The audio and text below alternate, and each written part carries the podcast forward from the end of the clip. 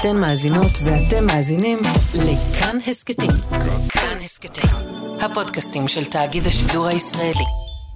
אזהרה, הפרק הבא אינו לחובבי אופנה בלבד. לאחרונה הייתי בפריז. בהמתנה בשדה התעופה לידי הייתה חבורת נשים מאוד מטופחות, מנצנצות מרוב תכשיטי יהלומים. אבל מה שמשך את עיניי היו התיקים שלהם, כולל הטרולי. רובן היו עם סטים של לואי ויטו. האמת, אני מוכנה להמר שגם המזוודות שלהן מאותו בית אופנה. אבל גם בלי זה, זה אומר ששווי תיקי המטוס שלהן, התיקים, לא מה שיש בתוכם, היה בסכום של אלפי דולרים לאחת. היעד, נראה שאחת ממדינות ערב. כמוהן, לבושות באופנה הכי עדכנית, במותגים הכי יקרים ודוברות ערבית, בלטו גם בשדרות הכי יוקרתיות של פריז. בתורים לשנל ודיור נשמעת יותר ערבית מאנגלית, יפנית או צרפתית אפילו. וזאת רק דוגמה אחת קטנה למהפכה.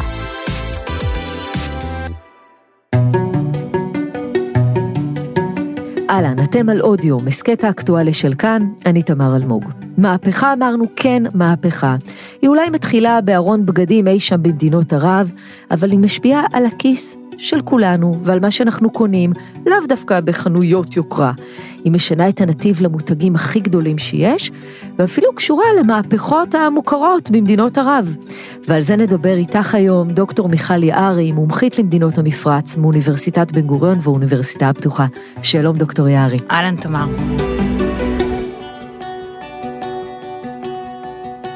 על איזה שינוי, על איזה מהפכה אנחנו מדברות? בניגוד לעבר, כשאז יכולת לראות נשים לבושות באותה צורה, במיוחד בסעודיה, כל הנשים היו לבושות עם העבאיה, עם אותה שמלה שחורה, עם הניקאב שמכסה את הפנים, עם החיג'אב שמכסה את השיער. היום אם תלכי ברחובות הערים המרכזיות בסעודיה, בוודאי בג'דה, שהיא התל אביב של סעודיה, את יכולה לראות מגוון מאוד רחב של נשים. החל מנשים מסורתיות מאוד, עם לבוש מסורתי, וכלה בנשים שהולכות עם ג'ינס וחולצת טישרט. את לא תראי מיני, את לא תראי גופיות או חולצות בטן, אבל את יכולה לראות מגוון, ובעצם החידוש הוא בעצם קיום קיומו של המגוון, מה שלא היה בעבר. וזה לא רק, צריך לומר, זה לא רק בסעודיה, זה בעוד מדינות. יש גם אישה מעצבות ומעצבים שמשפיעים על האופנה בעולם המערבי, תכף נדבר על זה. אבל למה המהפכה הזאת של הביגוד מסמנת משהו גדול יותר? עבורנו ללבוש בגד זה רק ללבוש בגד. אנחנו פותחות את ארון הבגדים, שולפות את החולצה שאנחנו אוהבות, רוצות ללבוש באותו יום, ובזה זה נגמר.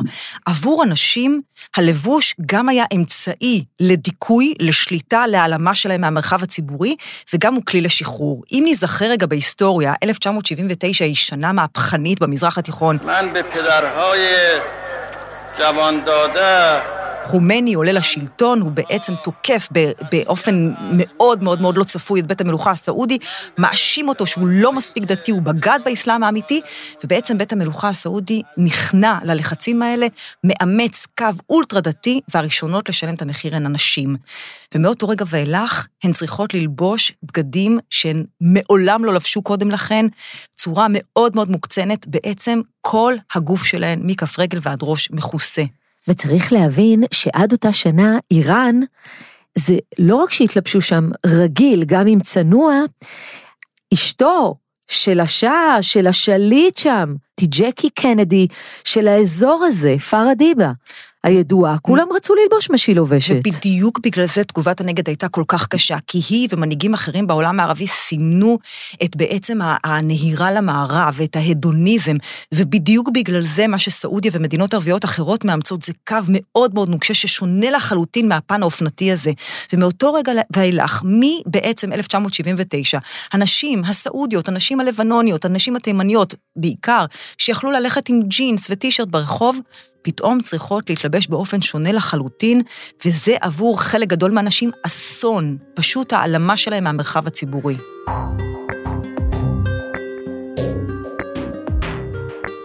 וזה משפיע אפילו על כל החושים, כי הן לא יכולות לראות כמו שצריך, הן לא יכולות לשמוע כמו שצריך, זה משפיע על הכל. תראי, כשאת בעצם שמה את אותו חיג'אב שחוסם לך את האוזניים, ואת שמה את הניקאב, אנחנו סבלנו מהמסכות, אבל זה כאין וכאפס לעומת הניקאב שממש מכסה את כל הפנים.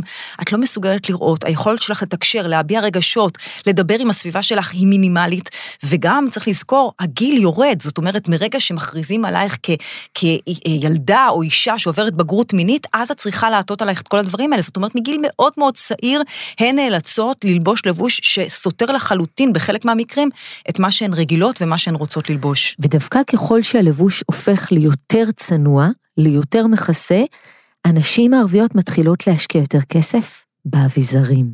נכון. תראי, אחת השאלות שתמיד שאלו אותי זה איך ילד מזהה את אימא שלו, אם כל הנשים בעצם נראות אותו דבר. אז כאן יש חשיבות אדירה לאקססוריז. הן משקיעות הרבה מאוד כסף בתיקים, בנעליים, בשעונים, במשקפי השמש. זה בעצם הכלי שלהן לבטא את הסטטוס הכלכלי שלהן, לבטא את הסטטוס החברתי, אבל זה גם כלי אומנותי עבורן. זאת אומרת, פה הן יכולות להביע את הייחוד שלהן, כי כולן נראות אותו דבר. צריך להבין, אפילו התפרים על האביה היו צריכים להיות שחורים, כדי שלא חס וחלילה חלילה יפתו את הגברים. זאת אומרת, יש פה האחדה טוטאלית, והמקום היחיד שבו את יכולה להתבטא זה הנעליים, התיקים, השעונים, המשקפיים, זה הכל. זה לא שהן גילו פתאום את האופנה, אלא פשוט בגלל שזה משהו שנלקח מהן, אז הם שמרו את זה למקומות אחרים. נכון, גם צריך לזכור שיש לבוש עוד מתחת לשמלה השחורה, מתחת לאבעיה. כשנשים נמצאות במקומות מבודדים, זאת אומרת מקומות שיש בהן רק נשים, בעיקר באירועים משפחתיים, כמו חתונות, אז הן יכולות בעצם ללבוש את מה שהן אוהבות. ואת יכולה לראות את זה גם בסרטים הסעודיים וגם בסרטונים שהועלו, איך הן בעצם לבושות בדיוק כמו במערב, איך הן משוחררות. בכלל הכניסה והיציאה של אישה מהבית. בבית שלה היא בעצם גברת לעצמה. עצמה היא גברת לביתה והיא לבושה באופן חופשי לחלוטין, ומרגע שהיא חוצה את סף הדלת, פתאום היא עוטה על עצמה את כל אותו לבוש. רואים את זה נהדר בסרט וואג'דה המופלא. ורואים את זה, אגב, יש סצנה כזאת אפילו ב Sex and the City בסרט. You've, you've been to New York? No. But we love the fashion.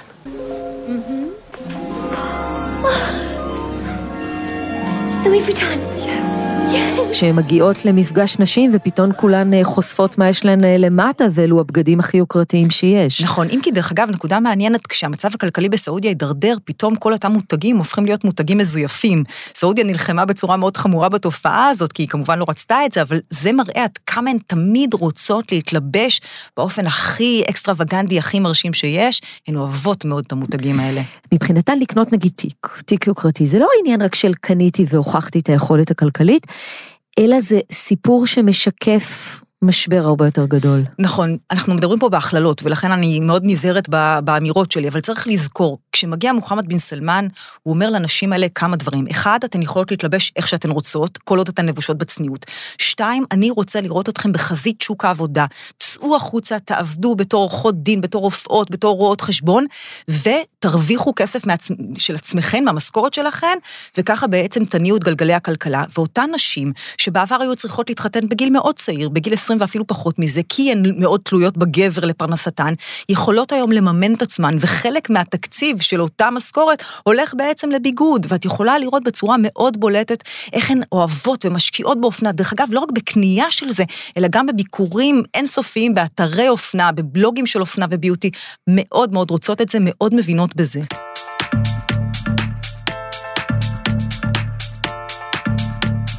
וזה גם מאוד השפיע, כי באמת היום יש חשיפה, יש חשיפה לתרבות המערבית דרך אתרים, דרך האינסטגרם, יש יותר נגישות. מה שלא היה בעבר. עד בעצם שנות ה-90, סעודיה הייתה חסומה, כמו שאר מדינות ערב. לא היו לנו את הרשתות החברתיות, גם אם הייתה טכנולוגיה, היא לא הייתה מספיק כזו שיכולה להנגיש את המידע הזה. לא היו חוברות אופנה שיכולת לעלעל בהן בתוך מדינות ערב. והנה אנחנו מגיעים לעידן הנוכחי של הרשתות החברתיות, שהעולם הוא גלובלי. ווג בעצם משיקה את ווג ערבייה. Hi, Anna, it's me, Gigi Hadid, and this is Vogue Arabia. זאת אומרת, לאותן נשים יש היום לא רק את הרצון, את היכולת לרכוש את הידע הנדרש בכל מה שקשור לאופנה, והן מתרגמות את זה לחיים שלהן. וחברות המותגים קולטות את זה, והן מתנהגות בהתאם, כי ראינו שבתי מותגים, בתי אופנה כמו מייקל קורס וברברי ודיור, הם מוציאים קולקציות מיוחדות לרמדאן. עצם הבחירה בכך מעידה כמה הקהל הזה רלוונטי לכלכלה של המותגים. נכון, זה אירוע יוצא, יוצא דופן. בזמן הרמדאן נכנסתי לכל מיני אתרי אופנה של החברות הגדולות, של המותגים הגדולים, ויכולתי לראות שממש יש קולקציה מיוחדת לרמדאן, ובעיניי זה היה דבר מופלא. מדוע? כי בעצם גם החברות הגדולות ביותר בעולם משתפות פעולה עם הנשים הערביות, והמסר הוא כזה, את לא צריכה לבחור בין אופנה לבין אורח החיים הדתי המסורתי השמרני שלך. את יכולה לשלב ביניהן, את יכולה לשלב בין התשוקה שלך לאופנה, בין הידע שלך לאופנה, לבין אורח חיים מסורתי, וזה לא פוסל אחד את השני. וזה החידוש הגדול, פמיניזם, שוויון, לא בא על חשבון אורח חיים דתי, והיום החברות האלה משתפות פעולה עם הז'אנר הזה. כן, אבל יש פה מאוד עניין של כסף. הרי אם זה לא היה קהל אטרקטיבי, לא היו משקיעים בו. ו, ופה יש עוד אינטרס כלכלי שצריך להבין אולי את התהליך שלו, ואיך הוא משפיע גם על כולנו. המותגים הגדולים לא עושים את הכסף מהשמלות המפוארות או מהכוכבות שלובשות אותם. הם עושים מהחלום, שהצעירה מאלכסנדריה או מביירות או ממודיעין בישראל, היא רוצה, היא רואה באינסטגרם את הכוכבת הנערצת עליה, אז שמלה של ורסאצ' שלא תהיה לה, אבל היא תחסוך והיא תקנה תיק שלהם. ולכן הם משקיעים באביזרים, ומכאן מגיע בעיקר הכסף מהבשמים, משקפי השמש, מהתיקים, מחזיקי מפתחות, וזה רלוונטי במיוחד לנשים הערביות שמתלבשות שוב, אנחנו בצורה יותר מדברים צנועה. על נשים עם יכולת יוצאת דופן, זאת אומרת, זה לא שעכשיו את מגיעה למפרץ וכל הנשים יכולות להרשות לעצמן ברור. לקנות תיקים של לואי ויטון, ממש לא. המחירים, דרך אגב, במדינות ערב הם הרבה יותר זולים, למשל, אפילו בהשוואה לארץ. אבל צריך לזכור, עבור אותן נשים לקנות בגד זה לא רק סיפור של בגד, זה סיפור של העצמה ועוצמה נשית. הן יכולות להביא את עצמן לידי ביטוי באמצעות הלבוש הזה. הן יכולות לבוא ולהגיד, רגע, אני עכשיו הקמתי חברת סטארט-אפ, אני מרוויחה לא רע, אני עכשיו באה לחברות האלה וקונה את מה שאני רוצה, אני לא צריכה לתת דין וחשבון על זה.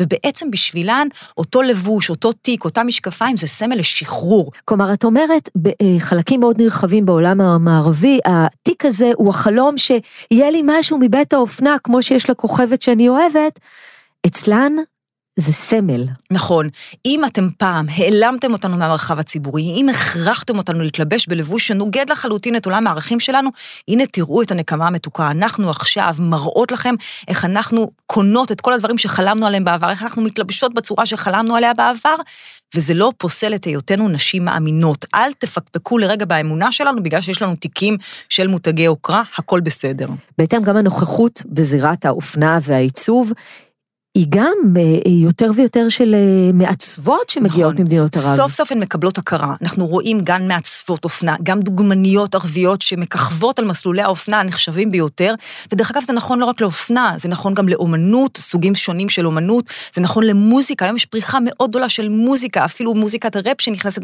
מאוד חזק, ופעם היא הייתה לחלוטין לא לגיטימית בעולם הערבי. זאת אומרת, ברגע שנפתחו השערים, יש פה צונאמי, צונאמי של אהבה לאופנה, לביוטי, מין קדושה של הדבר הזה, ודרך אגב, שוב, היכולת שלהם לרכוש את הידע הזה היא לחלוטין שונה ממה שהיה בעבר. והיום נשים שרוצות בעצם להקים בלוגים של אופנה, הופכות להיות תוך תקופה מאוד קצרה ממש סמל תרבותי עם מיליוני עוקבים לפעמים. הזכרת את עניין הדוגמניות, זה מאוד מעניין, כי מצד אחד, באמת, במשך המון שנים הרי דיברו על אה, עולם האופנה כמאוד לא מגוון. דוגמניות לבנות רזות, ובשנים האחרונות יש כאן גם מהפכה. אז מצד אחד זה באמת טוב שכל אה, ילדה תוכל לראות על המסלול מישהי שהיא מזדהה, בין אם זה אה, במידה, בין אם זה בגוון העור, בין אם זה, את יודעת, אם היא ערבייה או אה, ממוצא אחר, אבל זה גם מלא תאנה. הרוב עדיין, למרבה הצער, זה הסטנדרט במרכאות כפולות ומכופלות של דוגמניות לבנות רזות. תראי, התגובה הגיעה מהר מאוד. אם היום תסתכלי על העולם הערבי, במיוחד מדינות המפרץ, כמות הניתוחים הפלסטיים שם היא בלתי נתפסת. אבל בשונה מהעבר שעליו את בעצם מדברת, שאז אותן נשים היו עושות ניתוחים פלסטיים כדי להיראות כמו איזה כוכבת הוליוודית, היום הניתוחים הפלסטיים בעצם הם בהתאם לדגם המשופר שלהם באינסטגרם, לפילטורים שהן עושות. וכאן אני חושבת שיש פה תגובה ערבית מאוד יפה. אנחנו לא מנסים להיות כמוכם במערב, אנחנו מנסות להיות כמונו, רק במודל יותר טוב, כמו שאפשר לעשות באמצעים הטכנולוגיים שקיימים. ולכן היום הניתוחים הפלסטיים הם ניתוחים פלסטיים שמותאמים באופן אינדיבידואלי לאותה אישה, לא לאיזושהי פנטזיה שבאה לידי ביטוי באמצעות כוכבת הוליוודית כזאת או אחרת. אנחנו מדברים על אותם ניתוחים פלסטיים בדיוק כמו שמתקיימים במערב. שאיבת שומה, ניתוח אף, הרמת גבות, אה, חלקן אפילו הולכות עם עדשות עיניים בצבעים שונים. אה, צריך גם להגיד פה משהו, גם כאן יש הרבה פעמים אפליה. אה, אפליה לשני הכיוונים, למשל, נשים ערביות שיש להן אור מאוד מאוד כהה, הן פחות לגיטימיות בחלק מהמקרים מנשים עם אור יותר בהיר. חברות האיפור במשך שנים לא סיפקו, וזה רלוונטי לחלק, זה, זה פשוט מטורף וזה נורא, כי זה חלק כל כך גדול באוכלוסייה שלא היה לו מענה, לא היה אה, אה, כיסוי מייקאפ בצ, בצבעי עור שהם אה, טיפל'ה יותר כהים. אז אני אספר לך סיפור מדהים. יש לי חברה סעודית שאבא שלה הוא סורי, ולכן עור הגוף שלה הוא מאוד מאוד בהיר. ואז בסעודיה למשל היא נחשבת מוקצת, כי היא לא נראית כמו האוכלוסייה. מצד שני, כשהיא גרה בארצות הברית, אז מתייחסים אליה כאל סעודית, כי היא לא מספיק בהירה כמו האמריקאים. זאת אומרת, היא איפשהו נופלת באמצע. וזה סיפור נורא מעניין על איך בעצם צבע העור הוא קריטי, אפילו בחברות שלכאורה הן לא אמורות להיות כאלה גזעניות כלפי עצמן. מי שעשתה שינוי אגב, דרמטי בעניין הזה, היא דווקא ריאנה, הזמרת, שהיא הוציאה קו איפור, ובו היו אה, בעצם מגוון אפשרויות לכל הגוונים של האור, והרבה הלכו בעקבותיה.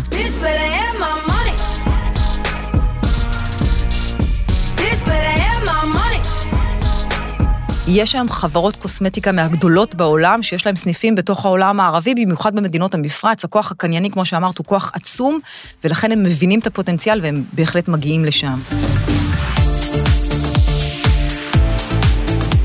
אנחנו דיברנו קודם על איך זה מגיע מהרשתות במידה רבה, או מהרחוב, כמו שאומרים, אה, אוהבים לקרוא לזה. יש קטע אדיר בסרט אה, השטן לובש את פראדה, שבו מסבירה בת דמותה של עורכת אה, ווג למתמחה שלובשת איזה סוודר זול ומכוער, ואומרת לה בעצם את סוף השרשרת שראשה במותגים הגדולים ובמגזיני האופנה. That blue represents millions of dollars and countless jobs. And it's sort of comical how you think that you've made a choice that exempts you from the fashion industry when in fact you're wearing a sweater that was selected for you by the people in this room from a pile of stuff. תראי, צריך לזכור, אנחנו, כמו שאמרתי, אנחנו מדברים רק על אנשים שיש להם יכולת, אבל בסוף הרבה מאוד מהנשים הערביות אין להם את היכולת הזו, ואם יש באמת מותגים גדולים שמסתתרים דרך מותגים קצת יותר זולים, אז אני בטוחה שאותן נשים אה, אה, מאוד רוצות לקנות. אם תלכי, גם צריך לזכור עוד נקודה מאוד מהותית, במדינות ערב חם באופן בלתי נסבל, המקום שבו את רוצה לבלות את רוב יומך זה הקניון, זאת אומרת, את בעצם נמשכת למקום הזה באופן טבעי בגלל הטמפרטורה הבלתי נסבלת ובגלל האהבה שלך לאופנה וליופי, וכך בעצם מנצלים את הסיפור הזה חברות האופנה והופכים אותך לכוח קנייני. אה, אחת התמונות היותר מעניינות הייתה כשבעצם המצב הכלכלי בסעודיה למשל הידרדר, ואז אותם אנשים שלא הורגלו לחסכנות כלכלית, ובעיקר נשים, פתאום היו צריכות לחשב מסלול מחדש ולבדוק איך אפשר להוריד את אה, כמויות הקניות הבלתי נסבלות שלהן לפעמים. אז פה באמת חשוב להדגיש, אנחנו לא מדברות על הרוב. כשאנחנו פתחנו את הפרק הזה עם האמירה על מי שקונות בשנל ודיור, אלו באמת... אה, אה, מעטות שפשוט יכולות להרשות לעצמן הרבה. אין לנו איזה נייר לקמוס שאנחנו יכולות להכניס לתוך החברה הערבית ולהגיד מה אחוז הנשים שיכולות להרשות לעצמן את הדבר הזה, אבל אנחנו מדברים פה על איזושהי מגמה, והמגמה היא מעניינת. העובדה שגם בתקופות שבהן אי אפשר היה לעשות את זה, עדיין היו נשים שמצאו דרך לבטא את עצמן דרך אופנה. והיום, כשהחברה היא הרבה יותר פתוחה והרבה יותר רוצה לראות אותן פורחות, אז הן מנצלות את זה עד הסוף, והאופנה היא בעצם כלי ביטוי, כלי להעצמה נשית, ואת זה הן עושות בצורה נפלאה. אם תראי את שבוע האופנה בדובאי, זה דבר מדהים. יכולת לראות דוגמניות הולכות עם בגדים של מעצבי אופנה ערביים, שבחיים לא היית מעלה על דעתך שזה של מעצבי אופנה ערבים. כן, אבל למה שיהיה הבדל? אופנה זה אופנה, טעם זה טעם, זה אין באמת נכון, אבל הבדל. בכל זאת אנחנו מדברים בחלק מהמקרים על חברות שמרניות, ושוב, צריך לזכור שיש לנו פה מגמה כפולה. מצד אחד יש נשים שהולכות והופכות להיות יותר ויותר מאמינות, ומצד שני יש נשים שהולכות ונהיות פחות ופחות מאמינות כמו שהן היו בעבר. זאת אומרת, הן חושבות שאפשר לקיים אמונה דתית, אבל באופנים אחרים. ולכן לראות את שבוע האופנה כל כך מגוון, החל מבגדים מסורתיים וכלה בבגדים שהם מאוד לא טיפוסיים לאזור, זה בעצם החידוש הגדול, הגיוון, הגיוון, הגיוון. הבגד כסמל. לגמרי. יש המון המון דוגמאות למה שאנחנו מדברות עליו. הקולקציות של רמדאן, המעצבות ש... ממדינות אה, ערביות שהופכות להיות השמות הכי חמים, ג'ניפר לופז בירח הדבש שלה, על נעליים של מעצבת לבנונית שעכשיו כולם מדברים עליה. את כל התמונות, כיוון שזה פודקאסט ולא יכולנו להראות, תוכלו למצוא באתר, באתר כאן, בידיעה שמצורפת לפרק הזה, ושם תוכלו לראות את כל הכישורים והתמונות, שווה להיכנס. דוקטור מיכל יערי, תודה רבה לך. תודה, תמר, היה כיף.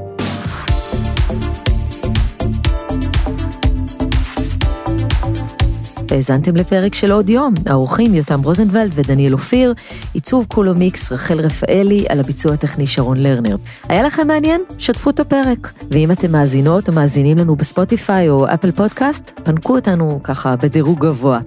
הערות על מה שאמרנו כאן, אתן ואתם מוזמנות ומוזמנים לכתוב בקבוצת כאן הסכתים בפייסבוק, אפשר גם בחשבון שלי בטוויטר או בפייסבוק. פרקים חדשים של עוד יום עולים בימים ראשון, שלישי וחמישי, את כולם, וגם הסכתים נוספים מבית כאן, תוכלו למצוא באפליקציית הפודקאסטים האהובה עליכם, או באתר שלנו. אני תמר אלמוג, להשתמע.